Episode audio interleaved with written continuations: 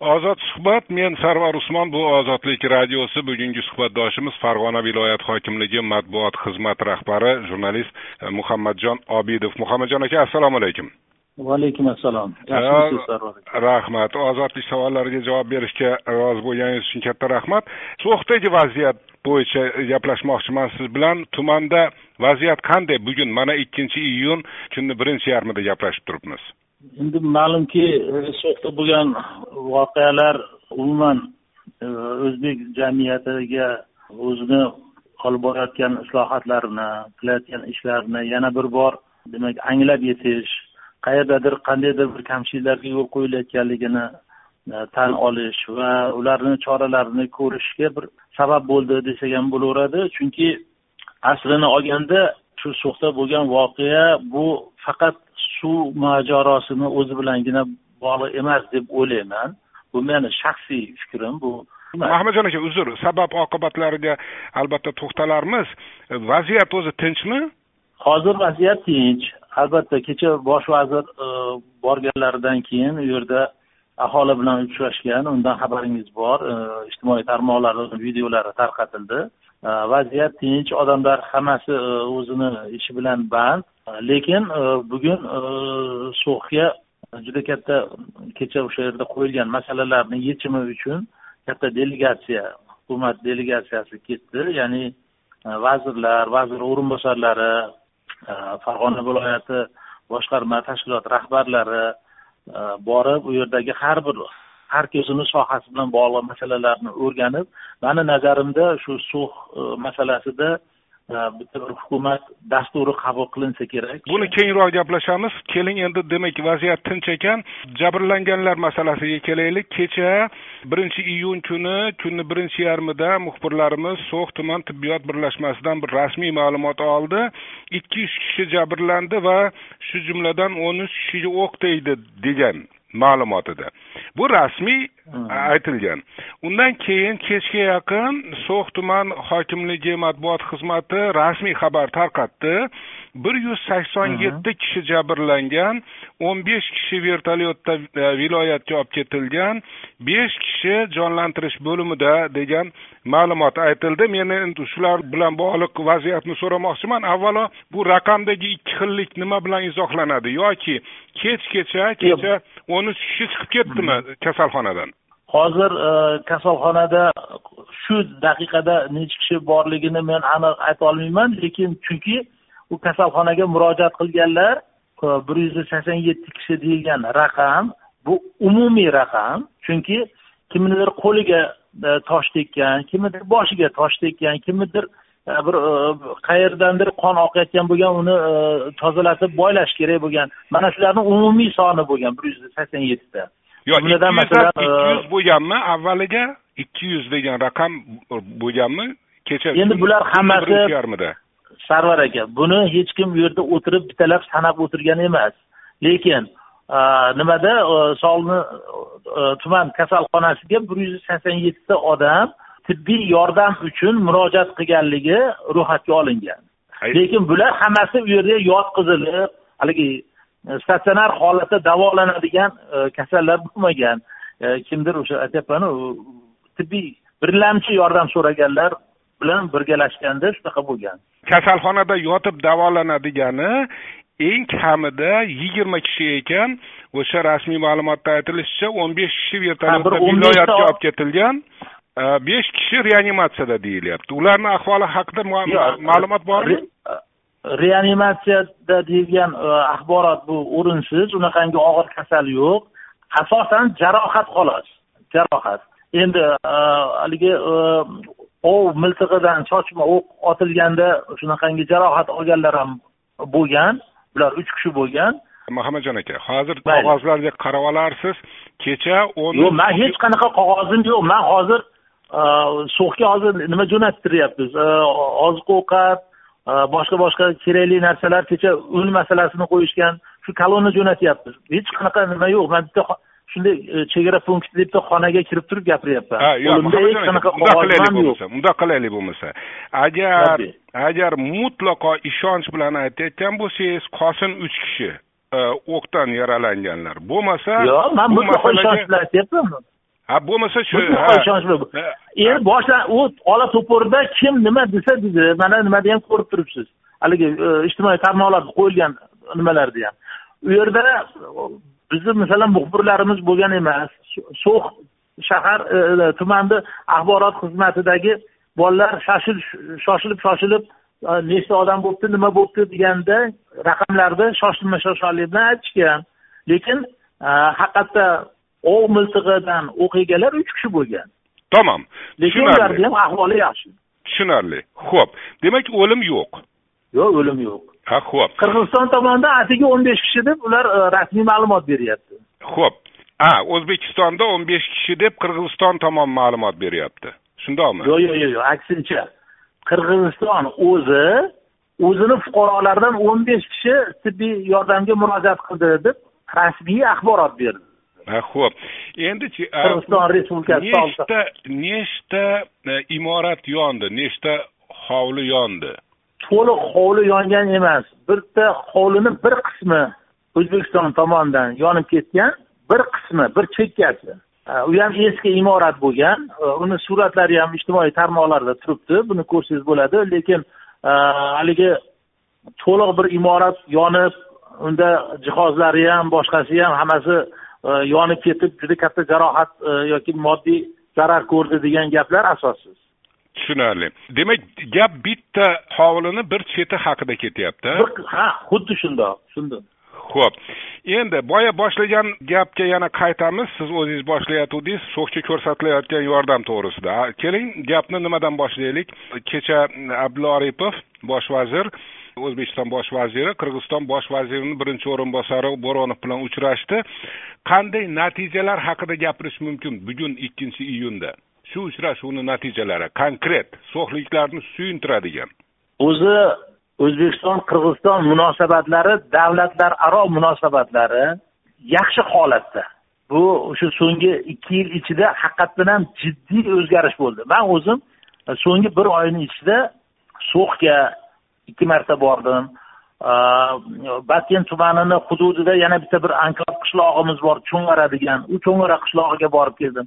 Bir oyda uch marta borib keldim va hatto karantin sharoitida bo'lsa ham bu yerda bo'ladigan haligi xayr saxovat tadbirini uyushtirish uchun borganligimiz uchun hech qanaqa bir muammo sezganimiz yo'q. Holbuki qirg'iziston chegaralari o'zini hukumat qarori bilan yopiq edi. Shunday bo'lsa ham o'sha yerdagi bizni aholimizga e, yetarli darajadagi e, oziq ovqat mahsulotlarini yetkazib berishimizga hech qanaqa aksincha xayrixohlik bilan bizni chegarada batken tumanini e, demak gubernatori kutib olib birga olib borib birgalashib o'sha yerda shu oziq ovqatlarni tarqatish jarayonida ham ishtirok etib yana kuzatib qo'ydi. Man aytmoqchimanki davlatlararo munosabatlar hozir juda yam yaxshi holatda. Shuning uchun qirg'iziston respublikasi bosh vaziri o'rinbosari birinchi o'rinbosari bo'ronov bilan bizni e, bosh vazirimiz abdulla oripovni uchrashuvi bu samarali o'tdi. Bu ro'y bergan voqeani sabablarini tahlil qilishdi va suvdan demak har ikki e, respublikani ikkita qishlog'i aholisi ham foydalanishi kerakligini ta'kidlashdi va shuni chora tadbirlari yana ko'riladigan bo'ldi. Shu joyda so'xliklar kutayotgan bitta masalani aytmoqchimanda. Mana siz borar ekansiz yoki kecha abdulla oripov borar ekan qaysi marshrut bilan bordi so'xgacha yoki vertolyotda borgandir balki bosh vazir vertolyotda borgandir yo'q ular mashinada borishdi. Mashinada borsa qaysi yo'l bilan bordi? Bugun bugun bugun vertolyotda ketishdi. Bugun e, vazir o'rinbosarlari vazirlar vertolyotda ketishdi. Vodil vodil chegara punktidan o'tib u yerdan keyin o'sha haydarkon orqali so'xga boradigan yagona yo'l bor. Shu yo'ldan boriladi. Yagona yo'l hozir ruxsat berilgan yo'l. man ham shu yo'ldan borganman. Ha yo'q yo'l. berilgan yo'lda aytyapmanda qisqa yo'lchi qisqa yo'l vodil yo'q so'x bundayda sadar aka so'xdan farg'onaga kelish vodil yo'li bilan qulay. Qisqa yo'l o'zi shu. Endi sho'xliklarni juda ko'pchiligi ilgari rishton tumani tarkibida bo'lganligi uchun rishton bozoriga kelishgan. Rishtonliklar bilan qudandachilik bor qarindosh urug'chilik bor. Ayniqsa cho'ng'ara qishlog'i shunday rishton tumani hududiga yaqin joyda. Ilgari ular rishtonga kelishardi. Endi rishton bilan farg'onani o'rtasida ham ellik e, kilometr yo'l bor. Gap farg'onada kelish nimasida emas o'zbekiston hududiga kirishda rishton qulay edi.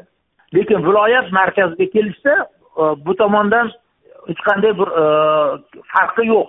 Rishton orqali keladimi vodil orqali boradimi? Gap shundaki gap boshqa narsadada xo'sh. Mani nazarimda qirg'iziston respublikasi hududidan so'xga o'sha anklav joyga borish kelishda davlatlararo kelishuvdagi qonuniy nimalar bor? E, nazoratlar bor. Bizni o'zbekistonni bojxonasidan o'tish kerak. Bir yuk olib boryapsiz. Albatta u yukni tarkibida nima bor? Boshqa bor nazorat qilib tekshiriladi. Ma'lum vaqt o'tadi. Undan keyin chegara postidan o'tasiz.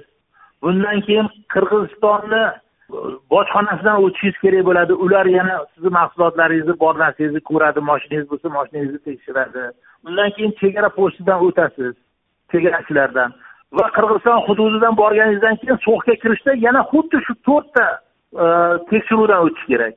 Avval hmm. qirg'izistondan keyin o'zbekistondan. Ya'ni farg'onadan o'zbekiston hududidan so'xga borgunga qadar to'rt marta tekshiruvdan o'tiladi. Bu tabiiyki har qanday insonni e, ongiga ruhiga ta'sir ko'rsatadi. Agar mana shu e,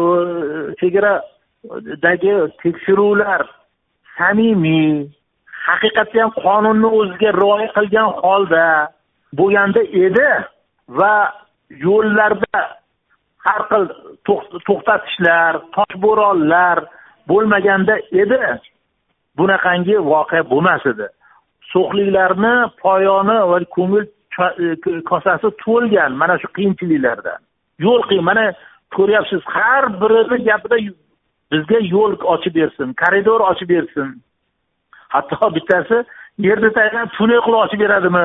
Qilib bersin bizni davlatimiz katta deydi. Endi buncha kilometr joyga mumkin bo'lmagan narsa lekin aholini zadaligi yo'l mashaqqatidan bo'lgan. Buni bilaman. Mani buni bilaman muhammadjon aka. mani nazarimda bugungi bugungi kunni savoli bugungi kunni masalasi shuki kecha mana hukumatlararo uchrashuvdan keyin o'sha yillardan beri yechilmay kelayotgan muammolarni hech yo'q yarmi yechilishiga umid paydo bo'ldimi kechagi uchrashuvdan keyin? Ha bu birinchisi suv masalasida qat'iy kelishib olindi. Ma'lumki chashma bulog'i bir tabiatni ollohni ne'mati. Balandliqda balandliqda tepalikda e, bir katta e, manimcha bir kamida o'n sotix keladigan joydan to'xtovsiz buloq har joydan qaynab chiqib turadi va judayam musaffo toza tarkibi va yoqimli suv chiqib turadi. Shu suvdan o'n to'rt ming so'xliklar ichimlik suv sifatida foydalanardi u shifobaxsh suv tarkibida minerallar ham ko'p. Endi shundan e, qirg'iziston tomoni ham o'zbekiston tomonidagi qishloq ham ikkala qishloq ham barobar foydalanadigan bo'ldi. Bu masalada qat'iy qarorga kelindi va bu bilan xalq ham rozi bo'ldi. Ikkinchisi. o'sha buloq to'xtang. O'sha buloq kimni hududida? Qirg'iziston hududidami o'zbekiston hududidami? Buloqni ishonsangiz sovet ittifoqi davrida chegara chizig'lari tortilganda shu buloqni e, bir taxminan o'n besh foizi qirg'iziston hududiga to'g'ri kelib qolgan. Lekin o'sha suvdan endi bunaqa holatlar dunyoda ko'pu. Masalan isroil bilan aytaylik e, iordaniya o'rtasidagi daryo ham xuddi shundoq. hatto hali e, o'lik dengiz ham yarmi isroilniki yarmi iordaniyaniki shunga o'xshaganda hmm. endi e, qirg'izlar o'zini hududi tomonida ariqni kengaytirib suvni ko'proq olishga harakat qiladi o'zbeklar e, tomon ham shunaqa. Shuning uchun bu masalada qat'iy kelishib olindi. Tenglikda barobar ikkala e, qishloq aholisi ichimlik suvidan foydalanadigan bo'ldi va bunga kelishib olindi. Xalq ham rozi bo'ldi. Ikkinchi masala bu xalq rozi. Eng muhimi xalq rozi deyapsiz ha. Ho'p ilgari bilasizmi? kim ilgari kim xohlasa ko'proq o'zi tomonga ochib ketaverganda suvni ha endi bu endi shunga o'zaro e, nazoratchi qo'yadigan bo'lishdi. Har ikki tomondan ham. Hmm. vakillarni ishtirokida. Ikkita mirob to'g'ri qilindi. Ha to'g'ri qilindi. Ikkinchi masala yaylovlar masalasi. Ho'p yaylovlarda e, hali oxirigacha chegara belgilanmagan. E, so'xliklarni juda katta e'tirozlardan biri. Bitta qo'y molini boqib yurgan bo'lsa ham e to'xta bizni chegarada g'ir etib qirg'iziston chegarachilari kelib olib ketib qoladi. Yoki aksincha ham bo'ladi. Shuning uchun o'sha joylardagi chegara e, hududi qat'iy belgilanishiga e, demak kelishuv olindi e, va yaylovlardan foydalanish masalasida bir jamoatchilik kengashi tuzildi. Endi haligi bor yaylov judayam kam bo'lganligi uchun ham so'xliklarni e'tirozi shu bo'ldiki mahalliy hokimiyat vakillari yaylovlarni o'zi istagan odamlarga berardi degan bir e'tiroz bildirildi. Shuning uchun yaylovdan foydalanishga ham jamoat nazorati o'rnatiladigan bo'ldi va bir oqsoqol odam shu yaylovdan foydalanish bo'yicha xalqni o'zi roziligi bilan o'zi tanlagan odam yaylovdan foydalanish kengashiga jamoatchilik kengashiga rais qilib qo'yildi. Bosh vazir tayinladi kecha bosh vazir tayinladi videoda uni ko'rdik. Ha videoda ham bor demak ikkita masala hal bo'ldi. Buloq suvi chashma bulog'ini suvi. yo'l masalasi ham gaplashildi albatta. Yuqori darajada yo'l masalasi ham muhokama qilindi. Lekin lekin xalqaro qonunchiliklarimizda baribir o'sha bojxona tekshiruvi chegara tekshiruvi bor. Hmm. buni istagan mamlakatingizga masalan siz xizmat qilayotgan chexoslovakiya hududidan qo'shni boshqa aytaylik mamlakatga yevroittifoqdan tashqaridagi mamlakatga chiqaman desangiz ham albatta bojxona ko'rigi va chegara ko'rigidan o'tasiz. Lekin gap shundaki qanday munosabat bildiradi ana shu bojxona bilan chegarada o'tirganlar? Gap shunda. Man o'zim o'tgan yili juda jiddiy bir maqola yozgan edim. Shohimardonga atayin oddiy fuqaro sifatida ozgina o'zimni ko'rinishimni kiyinishimni o'zgartirib borib kelganman va shu haqda bir juda jiddiy maqola yozganman va uch joyda pora berishga majbur bo'lganman. Pasportni berdim nimaga chegara nazoratchisiga. Pasportni olib chekkaga olib qo'yib keyingisidan so'rayapti. Voy manikichi yozsam bu yoqdan orqadan o't deydi. Orqadan o'tsam nechi kishisan ha o'zim qani buni ichidagi deydi. Hmm. nima qilish kerak ichida desam pasportni qo'yib qo'yib boraver endi dedi. Majbur bo'ldim man bilaman pul berish kerakligini har bir inson o'zbek chegarachilari o'zbek chegarachilari bilan bo'lyaptimi? yo'q qirg'iz gap qirg'iz chegarachilari haqida ketyapti. Hmm. o'zbek chegarachilarida boshqanasida bunaqa gap yo'q. Majbur bo'ldim ichiga pul solib berdim qaytadan. Zarur pechatini bosib berdi. Endi moshina bilan bir qimillavdim bojxonachi keldida mashinani to'xtat bor kabinaga kirib chiq dedi. U hmm. kabinasiga kirib pul berish kerak. Kabinaga kirib yana o'zimni go'llikka solib o'tirdim. Ha mashinani yoqqa olib qo'y ko'ramiz ballonini yech ballonini ichida nima bor ekan? Bahona ko'p. E aka ballonni ichida hech narsa yo'q damdan boshqa narsa yo'q hech qanaqa. Majbur bo'ldim unga ham pul berdim.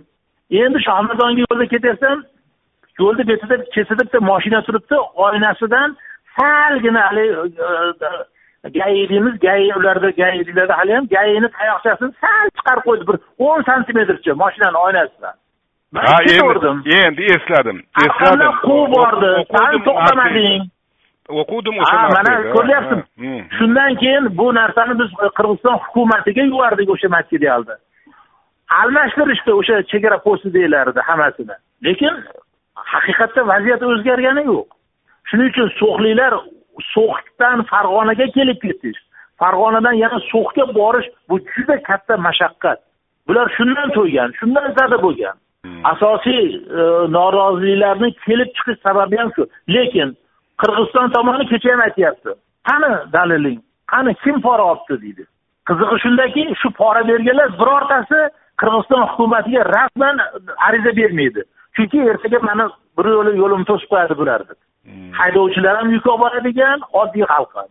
Yo'q kecha kecha qiziqda muhammadjon aka masalan kecha so'xda nima bo'ldi? Faqat faktlarni aytib bering degan iltimos bilan ham e, biron bir so'xlikni gapirtira olmadikda. Shunaqa qo'rqib qolishganmi? Tushunmadim. Yo'q yo'q yo'q yo'q. Agar agar man bu gapingizga qo'shila olmayman agar qo'rqishgan bo'lganda shuncha e, toshbo'ronlar shuncha e, baqir chaqirlar bo'lmagan bo'lardi. Yo'q endi olomonni ichida olomonni ichida hamma botir. Ha shunaqa. Hamma ko'ngliga kelganini ko'nglidagini gapiraveradi xohlaganini gapiraveradi hamma u yerda. Lekin qirg'iziston tomoni aytyapti ho'p man nima qilay bojxonani bekor qilaymi? Chegarani bekor qilaymi? Bu xalqaro qonunlarga xalqaro qoidalarga zidku. Konkret odamimizdan ustidan shikoyatli bo'lsa konkret gaplashaylik degan masala qo'yyapti ular ham bu masala manimcha sarvar aka mana qorabog'ni bilasiz boshqa joylarda anklav joylarni bilasiz. Bu masala hal bo'lishi to'liq to'la to'kis yechimini topish yo'l masalasi bu juda murakkab masala. Buning uchun judayam yuksak madaniyat yuksak ong bo'lishi kerak.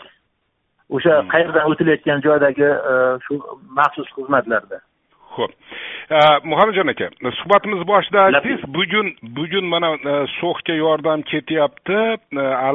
Soha soha bo'yicha mas'ullar tayinlandi. Mana hozir ketyapmiz yo'ldamiz dedingiz. Qanday yordam haqida ketyapti gap? Borib nima qiladi bular? O'zi aslini olganda so'x tumaniga shu yil o'zi ham bir ikki yuz tonnaga yaqin un yog' boshqa boshqa mahsulotlar yetkazib berildi.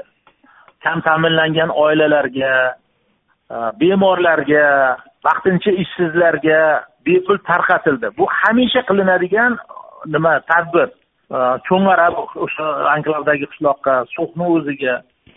Lekin kecha un masalasida yordam beringlar endi yo'l yopilib qolsa un qimmat bo'lib ketadi. Degan masala qo'yishdi. Qo'shimcha oziq ovqat mahsulotlari u yerga yuboriladigan bo'ldi mana bugundan boshlandi. Lekin respublika bosh vazir kecha u yoqdan so'qdan kelganlaridan keyin vazirlarni ularni o'rinbosarlarini chaqirib har kim o'zini sohasi bo'yicha so'xda yangi ish o'rinlari yaratish obodonchilik masalalari va boshqa boshqa bir aholini qo'llab quvvatlaydigan dastur uchun takliflar kiritish uchun ketishdi bular. Tushunarli. Va mani nazarimda juda tez kunlarda juda yaqin kunlarda e, alohida so'xni e, demak ijtimoiy iqtisodiy jihatdan rivojlantirish chora tadbirlari to'g'risida bir qaror yoki boshqa bir dastur qabul qilinsa kerak. Ho'p yana ikkitagina kichkina kichkina savollar. Kechagi ijtimoiy tarmoqlarda ijtimoiy tarmoqlarda tarqalgan materiallar yuzasidan. Bitta videoda qandaydir bir amaldorni ko'k ko'ylak kiygan bir amaldorni olomon toshbo'ron qilyapti va ularni o'sha kishini e, askarlar himoya qilib qutqarib oldi. Kim edi u? Qanday amaldor bu so'xlik so'xliklar toshbo'ron qilayotgani yo'q. U tashqaridan kelgan toshlardan ushlab qolishdi uni. So'xda ilgari hokim bo'lib ishlagan e, tavakkaljon degan bir yigit bor edi. U oxirgi hokimdan oldingi hokim edi. Man e, qaysi sababdan u so'xga yana borib qolganini aniq ayta olmayman. Lekin shu odam boshidan e, tosh tegib o'sha odamlarni tinchitmoqchi bo'lganda ularni chegaradan uzoqlashtirmoqchi bo'lganda o'sha qirg'iziston tomonidan kelgan tosh uni boshiga tegib tushdi. Shundan keyin uni himoya qila boshlashdi. U odam ham borib tibbiy ozgina yordam oldi lekin hozir holati yaxshi. Demak so'xning sobiq hokimi tavakkal jon xullas shuhrat g'aniyev emas edi u kishi? Yo'q yo'q yo'q yo'q u shuhrat g'aniyev emas. Shuhrat g'aniyev ham lekin o'shani butun alamonni ichida bo'ldi odamlarni tinchitishga harakat qildi. Endi bilasiz bunaqa paytda haligi hissiyotlar junbushga kelganda juda qiyin bo'ladi. Man o'zim ham boshimdan juda ko'p o'tgan bunaqa voqealar. O'sha batken voqealarida uch oy e, yurganman man o'sha e, e, batken hududida tog'larda boshqalarda. Bu hissiyotga berilgan paytda juda odamlarni tinchitish qiyin bo'ladi. Men yo'q endi shuhrat shuhrat g'aniyev shuhrat g'aniyev emasmidi deb so'raganim yo'q yo'q u shuhrat g'aniyev emas edi videoda videodagi ovozda farg'ona hokimi degan ovoz tushib qolgan ho'p eng so'nggi savol eng so'nggi savol kecha bosh vazir abdulla aripov so'xliklar bilan uchrashgan paytda olomon shuhrat g'aniyevni iste'fosini talab qilib qichqirdi shunday ovozlar eshitildi so'xliklar nima uchun shuhrat g'aniyevni bu qadar yaxshi ko'rmayapti yumshoqroq aytsak? Man bu fikringizga mutlaqo qo'shila olmayman. Chunki kecha bo'lgan e, u yerda bosh vazir o'tkazayotganda shuhrat g'aniyevga so'z bermoqchi sifatida bir e, harakat qilgan paytida shovqin bo'lib ketdi. Chunki u oldingi aytilgan gapga bo'lgan munosabati edi. Lekin e, shuhrat g'aniyevni iste'fosini hech kim talab qilib e, nima qilgani yo'q. Endi albatta katta alamonni ichida har xil odamlar bor har xil toifa bor. Kimdir bitta ikkita odam e, nimadir degan bo'lishi mumkin. Man ham e, eshitishga aniqroq eshitishga harakat qildim chunki u olomonni ichida hamma barobar bitta narsa haqida gapirgani yo'q. Kimdir qayerdadir nimadir degan bo'lishi mumkin. Lekin so'xliklar g'aniyevni iste'fosini talab qildi degan gapingiz bu haqiqatga mos kelmaydi. Yo endi o'sha videoda videoda eshitilgan ovozlardan kelib chiqib so'radi. Endi videoda ham aniq aniq emas. Kim bitta bir qayerdandir qayerdandir bitta odamni ovozi chiqyapti. Tushunarli. Muhammadjon aka katta rahmat sizga aziz tinglovchi bu ozod suhbat eshittirishi edi men sarvar usmon bu ozodlik radiosi savollarimizga farg'ona viloyat hokimligi matbuot xizmati rahbari jurnalist muhammadjon obidov javob berdi. Rahmat sizga. Salomat bo'ling sarvar aka